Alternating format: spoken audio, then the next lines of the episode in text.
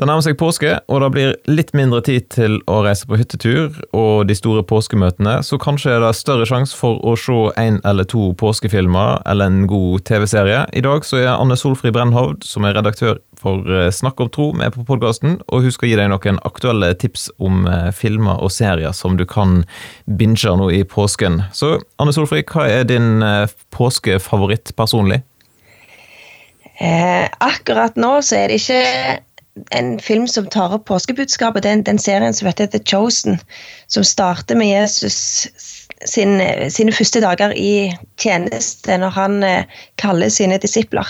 Eh, men den inspirerer til å lese mer om Jesus sitt liv.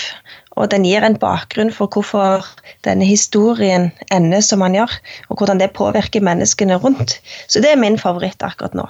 Ja, Det må du fortelle litt om. for jeg ser jo, Du skrev en sak i, sånn på dagen og i, på Snakk om tro. Og så er det litt sånn folk som lurer på hvordan i all verden skal jeg, som ikke er så veldig teknisk anlagt, få sitte inn av TV-serien. For den finner du ikke på Netflix, og du finner den ikke på YouTube eller på NRK. Hvor er det folk finner den?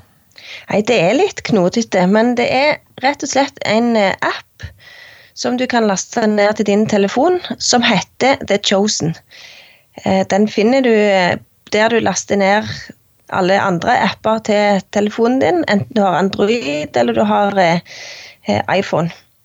Eh, og der kan du enten se den med en gang uten å betale, eller så kan du være med og støtte arbeidet både for at flere skal få se den, og for at de skal få eh, finansiering til å lage flere sesonger med å betale en liten sum.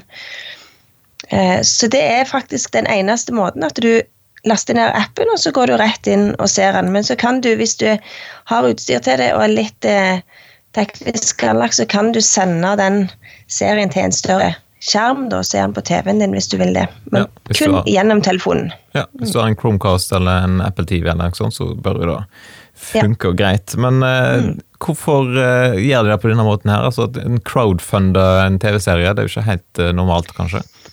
Nei, Crowdfunding betyr jo at de går til ut til folk og sier vil dere ha denne her, så må dere betale for at vi kan lage den. De har ikke noe offentlig støtte.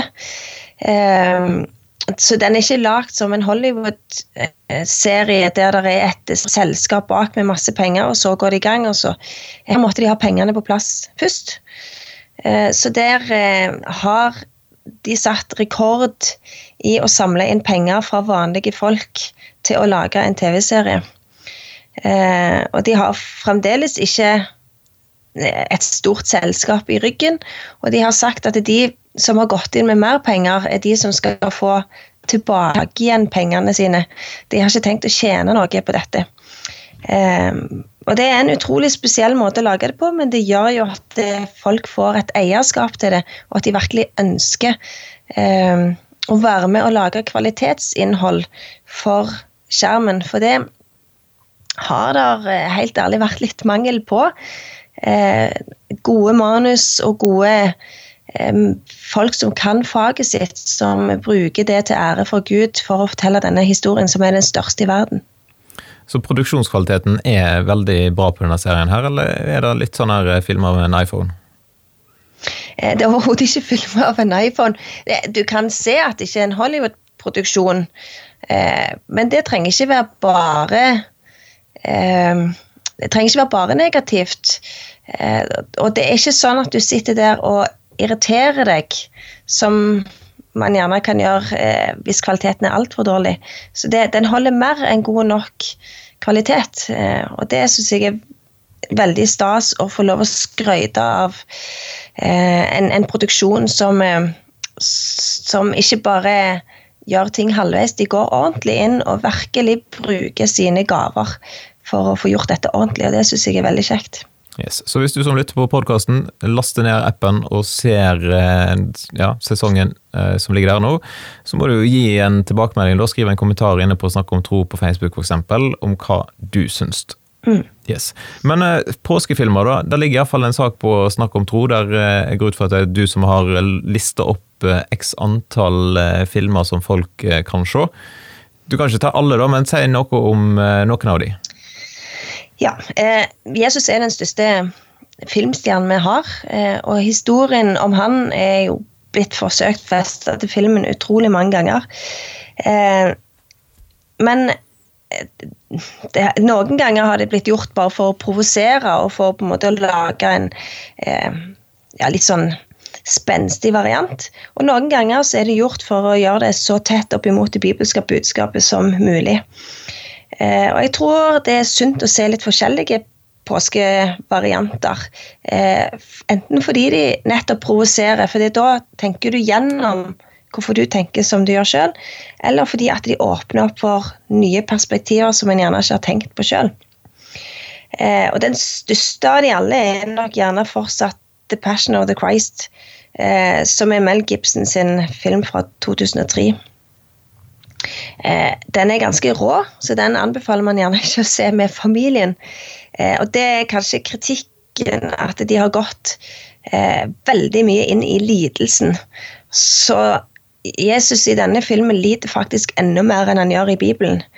Eh, han får såpass mange piskeslag at han hadde nok ikke overlevd det i virkeligheten. Samtidig så våger han å ta på alvor den menneskelige lidelsen som Jesus gjennomgikk. Eh, en annen film fra nyere tid er Risen, som ser denne historien fra et litt annet perspektiv, med en romersk soldat, eller en offiser, eh, som får i oppdrag eh, å undersøke om det er noe i ryktene om at Jesus har stått opp. Veldig spennende.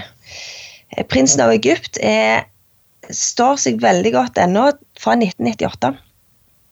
Det er gjerne en av de fineste tegnefilmene som er lagd fordi den er håndtegna. Og når man vet det og ser hvor mye arbeid som vil ligge bak, så blir jeg utrolig imponert når jeg ser den. Eh, og så er det lov å gå litt lenger tilbake i historien med filmer fra den perioden der det ble kanskje lagt mest av disse storfilmene med Jesus i, i fokus. Eh, ikke minst med den gamle den Ben Hur-filmen fra 1959. Veldig lang eh, og storslagen. Eh, men veldig verdt å sette av en kveld og, og se på. Jeg husker ennå første gang jeg så den når jeg gikk i åttende klasse på ungdomsskolen. Den sitter Den gjorde et uutslettelig inntrykk og sitter langt framme i dag. Ja, men Der eh, ser du vel ikke ansiktet til Jesus i filmen, mener jeg? Nei. Så det er ikke sånn at det, påskefilm må på en måte ta for seg historien fra eh, palmesøndag til oppstandelsen, fordi at det, den skal peke på påsken. Det kan den gjøre på veldig mange forskjellige måter. Eh, og i denne i Ben Hur så møter du faktisk aldri eh, Jesus ansikt til ansikt, men han er allikevel en sentral karakter og en drivkraft i filmen. Ja, Men vet du hvorfor du ikke får se Jesus sitt ansikt? Eh, jeg er ikke helt sikker, men eh, jeg tror det handler om at han ikke skal ta eh, fokus i denne filmen, og det handler noe om respekten, fordi det er veldig vanskelig å gjengi Jesus på film. Eh, men aller mest syns jeg husker at det handler noe om at, det, at han skulle være til stede, men det skulle ikke være han som skulle være hovedfokus i denne filmen. Det kan sikkert stemme, men jeg tok at det var jo noe som heter The Haze Code, som var liksom da på 30-, 40-, 50-tallet en eller annen gang i USA. Der det var liksom en av reglene var at du skulle aldri vise Jesus sitt ansikt på film. Så liksom en periode der, der det ikke ble vist av respekt eller et eller annet i den dur. Ja, nemlig. Mm. Så det er jo litt morsomt. Men eh, ja, jeg så òg at du hadde Narnia-filmen, den første 'Løva, heksa og klesskapet' som en påskefilm. Det må du si litt om. Ja. Eh, den er jo en fantastisk gjenfortelling av evangeliet. Eh, når eh, Scenen når eh, Aslan står opp igjen og avslører til disse fire barna hvem han egentlig er, er C.S. Lewis sin måte å eh, peke på evangeliet uten å måtte direkte bilde for bilde gjengi evangeliene. Unnskyld. Det var en liten spoiler-alert der, altså for de som ikke har sett filmen. Så er det, ga du vekk litt av høydepunktet der, men satser på at folk, folk som lytter på Damaris-podden, er såpass eh, velkjent med CS Lewis at de, Ja, de kan den, er, den er såpass eh, kjent at eh, jeg regner med det ikke er en stor overraskelse. Nei. Men det kan være en flott film å se i lag med familien, eh, hvis du har litt større unger, og på en måte peke på og gjøre de klar over at oi, her er det jo en viss parallell til eh, det som skjer i påsken. Mm. Supert. Da, hvis ikke du har flere som du liksom bare bobler over av at du må nevne Nei, det er veldig mange filmer som tangerer evangeliet eh, og oppstandelsen uten at de som sagt eh, gjengir akkurat Jesus på korset. Eh, jeg har bare lyst til å gi en oppfordring om å ha øynene ditt oppe og se etter evangeliet i filmer man faktisk ser, eh, og se etter hva er det jeg kan bekrefte her, og hva er det som ikke stemmer med hvordan Bibelen forteller at det, at det var Guds mening med, eh, med skaperverket og med sin frelsesplan. Men det er overraskende mange filmer som har et lite, en liten peker til denne her utrolig sentrale delen av kristen tro. Yes, så da var dagens eh, oppfordring og tips ifra eh, Snakk om tro. Der ligger det også forresten ute en god del eh, påskeandakter, så hvis du vil inn og lese litt ting, så er det jo masse bra stoff eh, på den nettsida der.